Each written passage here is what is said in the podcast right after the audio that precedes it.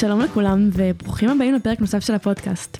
היום אנחנו נדבר על פרידות במערכות יחסים ארוכות וקצרות, איך מתמודדים עם דחייה, חוסר הדדיות, שברון לב, התהליך שאנחנו עוברים מתוך פרידה, וגם על כמה הוא חשוב. אז בשביל זה מצטרפות אליי נועה מוסקוביץ' ורוני בראון, אה, ונועה בת 25 מבאר שבע, לומדת פוליטיקה ממשל, ורוני בת 26 מרמת גן, לומדת הנדסת חומרים ועיצוב תעשייתי בשנקר. שלום, מה שלומכן? שלום. איזה כיף להיות פה. יס. זהו. עכשיו שהורדנו את החלק הרשמי, אפשר להיכנס פנימה. אני מתרגשת מאוד. גם אני. איך בעיניכן נראית פרידה שהיא טובה? כאילו, מה ההגדרה של פרידה טובה? אה, אז פרידה טובה זה פרידה שנראה לי אחרי זה מרגישים הקלה, או שזה היה הדבר הנכון. אה, זה לא הופך את זה לנחמד. אני גם חשבתי על זה, כאילו בול מה שאמרת, וגם ש... שאולי כל הקצוות סגורים, שאין כאילו דברים שנשארו פתוחים, כי ככל שדברים יותר פתוחים אז יותר קשה לשחרר את מה שהיה ולהתקדם הלאה. שהיא לא הפסקה בטעות, שהיא באמת פרידה, זה באמת ממש חשוב, כי, כי נראה לי שאנחנו שוגים ב- בדבר הזה הרבה. אני מסכימה איתכן, גם לי עבר את המחשבה שכאילו יש את האלה שנפרדים, אבל לא באמת נפרדים, ולא מפסיקים להתכתב ולהיפגש, ובמין שלב ביניים כזה שלא עושה בעיניי חסד לקשר. זה גם יכול להיות אה, חד צדדי. יכול להיות בן אדם שלגמרי סגר את הפרק הזה בחיים שלו, ועוד מישהו שהוא, שהוא עוד שם, ומתאבל על זה עוד, ו, וזה יכול להיות גם ממש אה, מתסכל להיות בשלב הזה לבד. אה, מצד שני, אם אנחנו ביחד בשלב הזה, אז כנראה זה לא פרידה. אני חושבת שאם זה פרידה שהיא חד צדדית, כלומר צד אחד נפרד מהצד השני, אז אני חושבת שזה הצד שיותר צריך לקחת אחריות באיזשהו מקום, במיוחד בכל הנוגע שלה להמשיך את הקשר אחרי זה, אז בדרך כלל מי שעדיין מאוהב, או מי שעדיין רוצה להיות בקשר, אז הוא מן הסתם לא יצליח לשחרר כל כך בקלות, אז ה... זה באיזשהו מקום מהמקום של הבן אדם הנפרד לקחת על זה טיפה יותר אחריות, ברור שאי אפשר להסיר אחריות מעצמך, אבל אה, כאילו נראה לי שזה דבר ממש חשוב. צריך להציב גבולות, וזה קשה. מי? איזה צד צריך להציב גבולות? שני הצדדים, אה, וגם אם אתה, אם אני לא יכולה לבד, אז אה, להשתמש ברשת הביטחון שיש לי בעולם, אה, המשפחה, החברים, החברות. זהו, זה חלק מהתהליך לפעמים, כאילו לפעמים צריך קצת כאילו לקבל את הכאפות הקטנות האלה בשביל להבין של אוקיי, זה באמת כאילו כבר לא, כן. לא מה שזה היה. אז איזה גבולות צריכים להציב? אני חושבת שלהישאר בקשר ברוב המקרים זה לא נכון. אה, כאילו אני יודעת את זה מהמקום השני, כאילו של נשארתי בקשר וזה זה בסוף כאילו מעריך את כל הדרך, כאילו אם במקום נגיד חצי שנה כאילו להתגבר ולהיות בקושי, זה יכול להגיע לשנה ולשנתיים, ו... כי בסוף הבן אדם הזה עוד שם, למרות שמצד שני, אני חושבת שלפעמים לראות את הבן אדם ולא אה, לדמיין אותו בראש שלך ולפנטז על מה אם ומה היה קורה, לפעמים זה גם מקרקע של, אוקיי, אני רואה אותו, אולי אני כבר לא כל כך נמשכת אליו, אולי אני כבר לא כל כך אוהבת אותו, כאילו, לפעמים כאילו זה חשוב אפילו לעשות את הצ'קאפ הזה של, אוקיי, עברתי פה תהליך, כאילו, החצי שנה הזאת עשתה משהו, החודש, אני לא משנה, כמה שכאילו לוקח זמן להתגבר. אתן יכולות לשתף על פרידה משמעותית שהייתה לכן? אתן לא חייבות לספר מה זה היה, אלא יותר איפה זה פגש אתכן. אה, לי הייתה פרידה אחת, נראה לי הייתה מאוד משמעותית, גם לקח לי המון זמן אה, להמשיך הלאה. אה, לא מרצון לחזור לקשר, פשוט שנייה, הקרקע נשמטה מתחת לרגליי. זו הייתה פרידה שהרבה זמן רציתי בעצמי להיפרד, היו לי הרבה סימני שאלה על הקשר, ומשהו השאיר אותי בו. גם הייתי צעירה, וגם היה קשר מאוד ארוך. אה, ובעיקר ממש הופתעתי ולא ראיתי את זה. בא אליי, היינו בחו"ל, היה חופש מושלם שפינטזנו עליו מלא זמן, וואי, זה כזה רחוק. ואז חזרנו וזה, נפרדנו אחרי איזה חמישה ימים, ונראה לי רק בדיעבד, אני מבינה כמה זמן לקח לי להתאבל על זה, וגם זה אומר כמה לא טוב היה לי לאורך זמן בקשר, אה, כי היו לי הרבה מחסומים, אני חושבת, בכל הדברים שבאו אחרי, במודע ולא במודע, אה, כזה שאריות מהקשר שהיה. אז איפה זה פגש אותך, רוני? וואו, זה... זה אולי נושא לא כזה מורכב, כי זה לא כזה חלק מהחיים שלי, כאילו הייתי בסוג של מערכת יחסים אחת בחיים שלי, שהיא בתוכה כללה מלא מיקרו פרידות, אז הפרידה האחרונה, לא כל כך הבנתי שהיא הפרידה האחרונה, אז כאילו באיזשהו מקום היא קצת עברה לידי עד הרגע שנפל עליי שהיא לא האחרונה, אה, וזה היה כאילו, ה... אני חושבת שכאילו גם היה כמה חודשים אחרי הפרידה, אז רק, כאילו זה אפילו מבחינתי לא נפרדנו ביום הזה, נפרדנו חצי שנה אחרי שגיליתי שיש לו חברה, אז כאילו, וואו. זה היה כאילו הנפילה שלי. יואו, זה רגע כואב לגלות שכאילו הצד השני כן. עבר עליו ומי עבר קודם. מצד שני, ברור שאתה העלבון הראשוני של, אוקיי, אה, כאילו הוא ניצח בתחרות שלנו, אבל אה, מצד שני זה גם הרבה, זה באיזשהו מקום עזר לי לה- להוציא את זה מהראש שלי, כי זה, זה לא אופציה, זה לא כאילו, זה בן אדם שחושב כרגע על מישהי אחרת, הוא לא חושב עליי בוודאות, אין את השאלה הזאת אולי, הוא מתגעגע אליי, אולי את זה, יכול להיות שהוא מתגעגע אליי כי אני אחלה בן אדם והיינו חברים טובים, אבל את נדירה, מה זה אחלה בן אדם? ברור, אבל, אה, אבל הוא- כרגע הוא כאילו במקום אחר, וזה כן עזר לי מאוד אה, לשחרר את זה באיזשהו מקום. אה, אני זוכרת, כאילו, האמת שהשנה יצאתי כאילו לדייט עם מישהו שממש התלהבתי ממנו, היה מושלם, וכזה המשכנו לדבר, ושבוע אחרי זה הוא שלח לי הודעה שהוא לא בקטע, ואני התפרקתי לנועה בדמעות בטלפון ברמה זה כואב. שלא בכיתי ככה על בן, מאז כאילו הבן זוג שהיה לי. אני לא בטוחה שגם עליו בכית ככה. וגם עליו יש. מצב שלא בכיתי ככה, כי אני חושבת שכל כך התרגשתי שפתאום אני חוזרת להרגיש משהו ושמישהו מרגש אותי ומעניין אותי, וה... כאילו הפרידה הזאת שהוא עשה לי גם לא בצדק, כי הוא לא הסביר כלום, הוא לא אמר כלום, מבחינתי היה לנו כיף, היה נחמד, המשכנו לדבר אפילו, הוא הציע שנצא עוד זהו, פעם. קבעתם שוב, כן, זה לא כאילו רק זה זה לא היה בראש אה, שלך. out of the blue, ואני חושבת שגם אנחנו עושים לך שיימינג. לגמרי, אז כן, אתה מניאק, אבל, אה, אבל גם בפרידה הראשונה וגם המיני פרידה הזאת, אי אפשר לקרוא לזה פרידה, אבל אה, הדבר הזה, אז אני חושבת שמה שהייתי צריכה באמת להיפרד ממנו זה הפוטנציאל של הבן אדם, כאילו גם חבר הראשון לא באמת הרגשתי שמימשנו את הפוטנציאל שיכול היה להיות. וגם עכשיו, כאילו, בתכלס לא הכרתי את הבן אדם, הכרתי אותו לארבע שעות שישבנו בדייט ועוד נגיד שעה מצטבר של התכתבויות, וזה לא, כאילו רק דמיינתי מה יכול להיות, מה יהיה ומה יהיה. וזה, חושבת שהפרידה הקשה הייתה מהפוטנציאל של מה יכולה להיות ואיך הזה. הוא לקח את זה ממני ככה. וואו, זה מה זה מדויק, ממש, הפ- הפרידה מהפוטנציאל. זה פרידה סוג של מעצמך בסיטואציה, כי הוא עוד לא חלק כן. במשחק. נכון. הוא עוד, הוא עוד לא מעניין, הוא עוד אין לו מקום, זה פרידה מהחלומות ומהדברים שאני ראיתי בראש קדימה. אה, וגם פשוט מזה שהיה לי ערב כיף, ואחרי לצאת לדייטים זה, זה סיוט. לא כיף. לא. נורא. אה, בעיקר דייטים ראשונים, אם זה לא הבן אדם וזה עובד, אז עד שאת מגיעה לסיטואציה הזו, זה ממש בעיקר לא כיף, ואודישנים ומבחנים. אה, אני חושבת שקשה להרים את הראש אחרי כן, דחייה. זה מאוד שובר. כן, זה, זה גם בממדים מאוד עצומים, מאוד עמוקים. את אומרת, רגע, האם אני לא מספיק יפה בעיניו? האם לא הייתי מספיק חכמה? אה, מה אמרתי? האם אה, מה ששידרתי היה משהו כזה? האמת שאתן קצת מרימות לי לשאלה אחרת שרציתי לשאול אתכן. מה, מה החלקים שאתן חוששות מהן בפרידה? כאילו, אני אתן לכם דוגמה. אני לוקחת את השאלה הזאת למקום של דווקא מפרידות קצרות שהיו לי, אני נורא חוששת מתחייה, ושתהיה פרידה שהיא לא הדדית. כאילו שמישהו יאמר לי, יסיים את זה. כן, אני לא מעוניין בך, ואז אני כזה אשליך את זה על עצמי. אז זה מבחינתי ה-Worst case scenario שלי מפרידה. אז איפה זה פוגש אתכן? אני מרגישה שזה ביכולת לשחרר. אה, והיו לי סיטואציות שיצאתי עם אנשים לכמה דייטים והתאכזבתי, נגיד מאיזה בחור ספציפי, התאכזבתי ש, שבסוף הוא לא רצה את זה לעוד, אה, מהסיטואציה שהיינו בה, והיה לי ממש קשה לשחרר אה, אותו. חשוב להגיד על מה שאמרת עכשיו, שכאילו, אני כאילו שומעת גם מחברים בנים, גם בנים עוברים פרידות קשות, אנחנו כן. מדברות עכשיו על הצד שלנו, אבל זה באמת, אה, נכון. אני שומעת על בנות ש, שנעלמות, שכאילו ממסמסות, זה כאילו... כאילו גם גם אני עשיתי גברים, גם ghosting, בנות, כולם- כן. כאילו, כן. כולנו חוטאים בזה. ו- אני כל כך חופרת שאני לא מסוגלת לעשות ghosting, וואי, אני יכולה לדמיין איזה חמודה. אני יותר מדי נחמדה. אם נגיד מישהו שאני לא מכירה שלח לי הודעה באינסטגרם, יש לי צורך לשלוח לו מגילה למה זה לא מתאים. ורוני, איפה זה פוגש אותך? ה- ה- מה שאלתי? החשש מפרידה. אמ, אני חושבת שזה משהו שמלווה אותי לאורך כל חיי הרווקות הארוכים שלי. אה, אני חושבת שזה תמיד דבר ראשון הפחד מתחייה. אה, למרות שאני חושבת שעם ככל השנים והדייטים וזה, כאילו למדתי את הערך העצמי שלי, ואני גם לגמרי בסדר עם זה שאנשים לא יאהבו אותי, גם אני ממש לא אוהבת את כולם, אז זה לגיטימי בעיניי, אבל אה, אני פשוט, כאילו, אני זוכרת את הכאב, ואני זוכרת את ה... כאילו את הדמעות ואת הבכי וכאילו את הכאב בטן הזה, אז כאילו לחשוב שזה יכול לחזור, אז א', כאילו, למה שמישהו יעשה את זה? כאילו, זה כמו הייתי חולה, אני לא רוצה להיות חולה עוד פעם, כאילו, אבל מצד שני אני גם יודעת שזה, כאילו, אני מאמינה בזה גם שאין מה לעשות, כאילו, צריך לקחת סיכונים בחיים, אבל, אה, וגם, כאילו, לאבד חבר, כאילו, בסוף זה בן אדם שהוא נכון. לגמרי חבר על מלא, וכאילו, אני לא מצליחה לדמיין את זה, כאילו, כן. בקיצור, כן.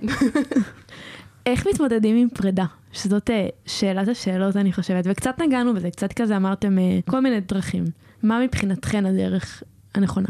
אני לא יודעת אם יש דרך נכונה, אבל אני חושבת שהמשפט הזמן עושה את שלו, הוא חד משמעית אה, צריך להאמין בו, ואולי פשוט לזכור את זה מההתחלה של אוקיי, היום זה היום הראשון והיום השני, אבל גם עוד חצי שנה תגיע ועוד שנה תגיע, וזה יהיה במקום אחר. אבל אני חושבת שזה כן, כאילו אני נגיד מתחרטת על זה באיזשהו מקום שחיכיתי יותר מדי זמן, כאילו הייתי צריכה אולי לזרוק את עצמי שנייה בידיעה, לא כאילו סטוצים, או לא יודעת איך לקרוא לזה, אבל כאילו שנייה, להקליל. להזכיר לעצמי שיש עוד בנים בעולם, והוא לא הבן היחיד, וגם כאילו אחרי נגיד דייט שהיה מוצלח אה, ולא, ולא התממש בסוף, אז כן לנסות לעלות על הסוס כמה שיותר מהר עוד פעם, כי, כי הזמן בין לבינו לפעמים קצת משתק כזה, מה, מהפחד עוד פעם, כאילו לעלות עוד פעם על הסוס. וואו, זה יפה. אהבתי את המטאפורה. בכיף. בעיניי גם אין קסמים. אם אני, אני צריכה להבין שאחרי פרידה אני כנראה אהיה מפורקת, ואני ארצה לבכות, ואני ארצה ש... או להיות לבד, או שיחבקו אותי בטירוף.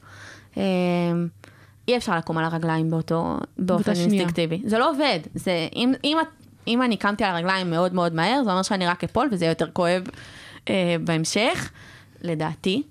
אז גם זה, וגם אה, להקיף את עצמך באנשים ובדברים טובים, כמובן, אה, לגלות את עצמך, למצוא את עצמך. אה, להסתפר. כולם תמיד כן, מסתפרים. תמיד להסתפר. נכון. זה תמיד התשובה. וואי, אני לא פוני. זוכרת אם הסתפרתי.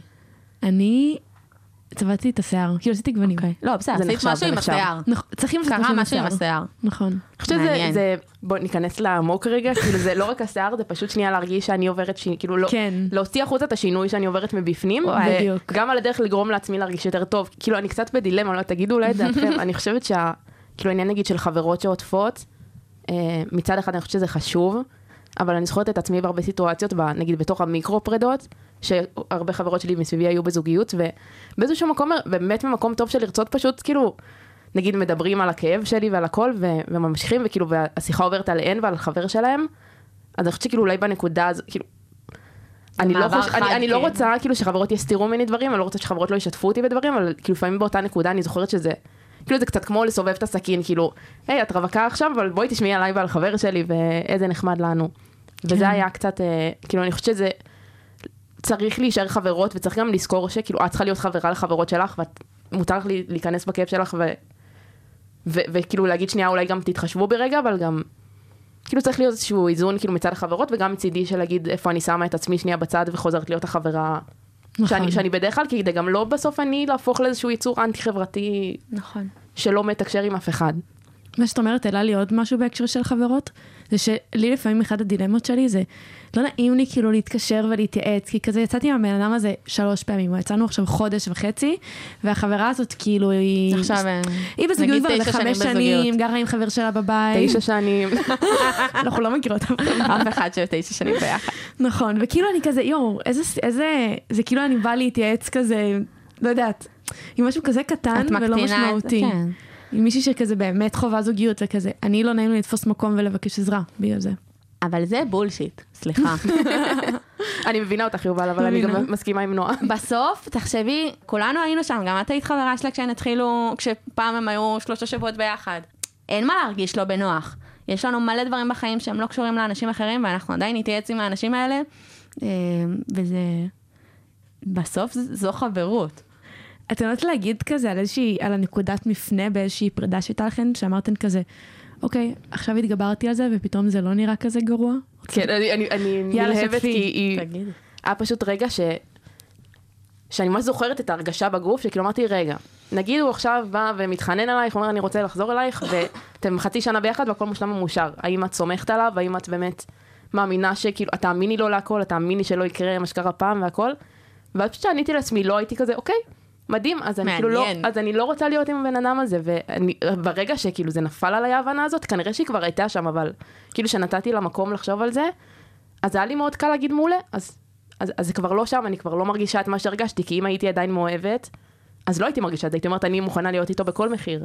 אני חושבת שיש שלב שבו את שבורת לב, שכזה כל הבא ליד ישמח אותך, כאילו את תרצי שיתחילו איתך ותרצי. להרגיש נחשקת ואהובה ו... ושאת משהו מיוחד, וכל בן אדם שייתן לך את האפשרות הזאת, זה ירים לך. משהו בביטחון הפנימי שלך הוא מונע מזה שאחרים ייתנו לך את הפרגון הזה ויסתכלו עלייך דרך העיניים האלה. אז אני חושבת שזה היה ממש משחרר לגלות שאני... את לא צריכה את האישור החיצוני שאני הזה. אוהבת את עצמי בזכות עצמי ואני מרגישה טוב עם עצמי עכשיו, לא בגלל שמישהו התחיל איתי. כן, אני חושבת שגם אני כאילו אחרי הפר... פעם ראשונה שעברתי כזאת פרידה גדולה, הייתי נורא שקועה בכזה איך אני נראית ומה חושבים עליי, ונורא על, החיצ... על המקום החיצוני. אה, גם מה הסביבה חושבת עליי וגם פיזית איך אני נראית, ונורא כאילו שמתי את כל המשאבים שלי בזה. וברגע שהבנתי שכאילו זה לא המרכז, אז אה, זה השתחרר ולקח לי הרבה מאוד זמן, כאילו, לעשות את זה. טוב, אנחנו חייבות לסיים, אני כאילו רואה כמה... אנחנו נהנות, אנחנו לא רוצות ללכת. כן, אני אוהבת לדבר גם אני. למיקרופון. אז לפני שנסיים, יש משהו שהיית רוצות להוסיף? גם זה יעבור. כן. יפה. וזה בקצרה, בקצרה, שלי עוזר לחשוב, כאילו שיש את הסוף הקשה, אבל גם איזה כיף זה ההתרגשות של ההתחלה. אז אולי כאילו גם נכון. לצפות לזה, כאילו שמשהו נגמר, ולהגיד, אבל איזה כיף היה בהתחלה, ויש לי את האופציה ואת ההזדמנות עוד פעם להתחיל משהו חדש כזה, אה, אז אולי גם זה כאילו יעזור אה, לשים בראש. טוב, תודה רבה. תודה היה לך, יובל. תודה. ביי. אותך. ביי. אנחנו נפרדות מהפרק. יואו.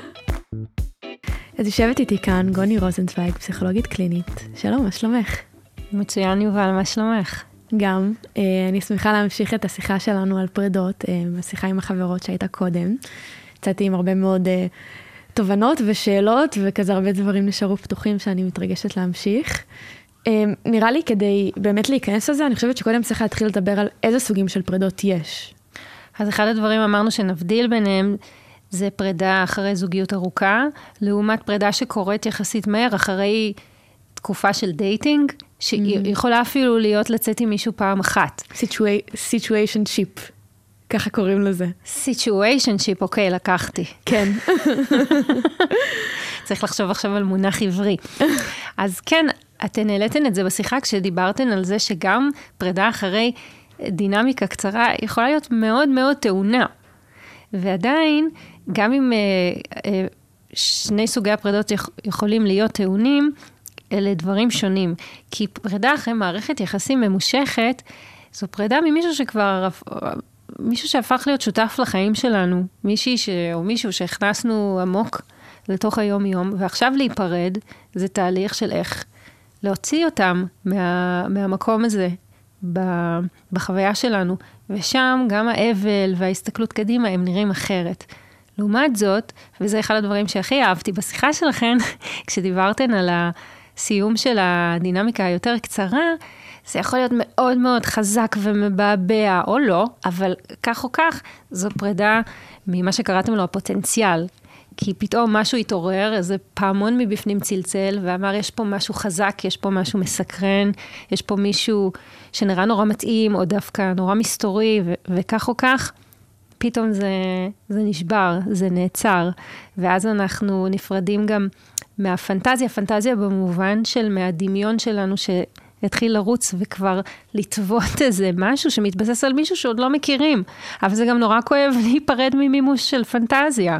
אני מסכימה איתך, אני חושבת, אני לא בטוחה מה היה לי יותר, מה יותר קשה לי, כאילו, חוויתי פרידה כזאת אחת רצינית בחיים, וחוויתי כזה כמה מיקרו פרידות, ולא יודעת, אני חושבת שהן היו קשות לי באותה מידה, ואפילו המיקרו פרידות היו לי יותר קשות.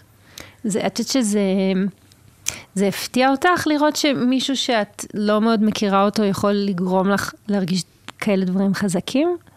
כן, כאילו, אני חושבת שאיבדתי כזה שליטה, כאילו התמסרתי כזה בכל הכוח למישהו זר, ואז פתאום זה כזה, מישהו זר כזה קם והתחרט. אז זה היה נורא מלחיץ. ולעומת זאת, כשחוויתי פרידה, אז, אז, אז היו דברים שלא עבדו והיו משקעים, אז אלמנט ההפתעה לא היה לי קיים שם, ואני חושבת שמה שתפס אותי במיקרו פרידות זה אלמנט ההפתעה. אז לי בתוך פרידה זה משהו שהוא מאוד מאוד קשה, זה משהו שאני מאוד מפחדת ממנו. זה חשוב מה שאת אומרת בעיניי מהכיוון שכשאנחנו מדברים על פרידה, זה לא יכול שלא להתחלק לשאלה של מי נפרד ממי, פחות מהכיוון של אה, כי זה יותר חשוב כך או כך, אלא כי אלה שתי חוויות שונות אם מישהו נפרד מאיתנו, לעומת אם אנחנו נפרדנו ממישהו. בשני המקרים זה סופו של משהו ויש תהליכים מורכבים ולפעמים גם קונפליקטים, אבל עדיין זה בא מכיוון אחר. כשזה בשליטה שלנו וביוזמה. שלנו, זה תהליך מסוים, וכשמישהו בא ואומר לנו, אני לא רוצה או לא רוצה יותר, ועכשיו אנחנו צריכים להתמודד עם זה, זה נראה אחרת. נכון, יש לי טיפ מעולה, להיפרד קודם, ואז ככה, אף פעם לא חווים דחייה. מצוין. וזאת אולי נקודה שכל אחד יכול שנייה לשאול את עצמו ברמה הכי אינטואיטיבית, מה עדיף? שיעזבו אותי או שאני אעזוב מישהו? אני לא יודעת, שניהם מאוד קשים.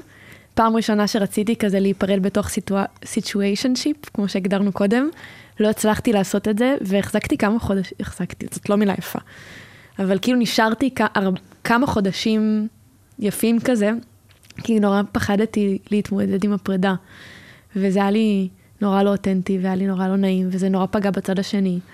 ואני מאוד לא גאה בזה, וזה מאוד חבל לי שכאילו הייתי בסיטואציה כזאת, אבל לא הצלחתי להיות הזאת שנפרדת. למה? כאילו, על מי פחדת? מהצד השני, כי זה לא חדש שאני מרצה, וברגע שאת דוחה מישהו או נפרדת ממישהו, את ההפך ממרצה אותו, את מאכזבת אותו. אז זה נראה לי משהו, ש... שיעור נורא גדול שנאלצתי ללמוד אה, במערכות יחסים, שלפעמים אני אאכזב את הצד השני, וזה היה לי שיעור לא פחות ק... קשה מהשיעור של אה, לפעמים לא ירצו אותי. כאילו, זו גם הייתה התמודדות מאוד גדולה. יש אנשים שיכולים להיות בקשר לא מעט זמן מתוך הפחד לפגוע במישהו. בדיוק. למרות שלפעמים זה מגיע מכוונות טובות.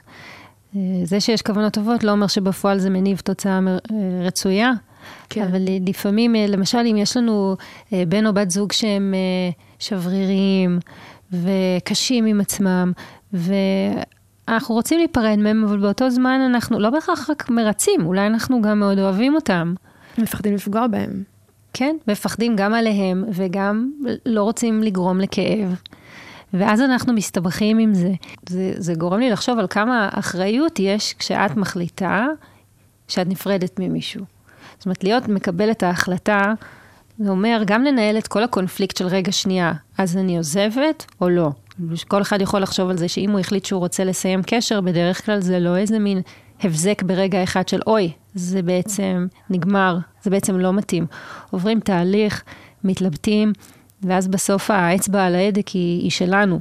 והאחריות, כולל, ה, כולל ההתמודדות אחר כך, היא, היא עלינו. כי אנחנו הבאנו את זה על עצמנו, הבאנו את זה על הצד השני, ולפעמים אנחנו רוצים להחליט את זה רק אם אנחנו בטוחים במאה אחוז שלא נתחרט, וזה לא תמיד משהו שאנחנו יכולים לדעת, לפעמים זה חלק מהעול של כן. להיפרד. זה מתחבר לי קצת למה שרוני אמרה, שהיא אמרה שאם אתה הצד הנפרד, יש לך גם אחריות לשמור קצת על הצד השני.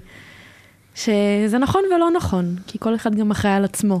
אני חושבת שאחד הדברים שיכולים הכי לעזור במובן הזה, זה לנסות לחשוב על הנרטיב. אם אנחנו בתוך זוגיות ואנחנו מרגישים שאנחנו לא רוצים יותר, אז להתחיל לספר לעצמנו את הסיפור. מה קורה כרגע? מה לא עובד לי? מה כן עובד? אם אני נשארת, אז בשביל מה? אם אני עוזבת ומשחררת את הקשר הזה, זה לטובת uh, מחשבה על איזה מין קשר. זאת אומרת, אם יש לי עכשיו משהו ביד והוא גם טוב, אני משחררת את הזוגיות הזאת למען איזה מין פוטנציאל שיבוא בעתיד. ולצד החלק הזה של הנרטיב, של מה אני בכלל מספרת לעצמי על ההחלטה הגדולה הזאת, יש גם את הנושא הרגשי. ולפעמים זה עושה את זה יותר מסובך. נגיד, אני חושבת שחלקכם, חלק היו בקשר, שהם הרגישו שהוא כאילו נהדר, וההורים מאוד אוהבים את הבן זוג, והחברים, ויכולים לחשוב שזה חיט בלוטו, ומשהו לא עובד. ואז זה כאילו סותר את הנרטיב, כאילו הקשר הוא אחלה, ומשהו רגשי אומר, אני, אני לא, אני, איך אני אחיה כל החיים עם איזה מין ספק, ולא ברור מה הספק ולמה, אבל הרגש מאותת לנו משהו. זאת אומרת, הרגש כן. יכול לבלבל אותנו.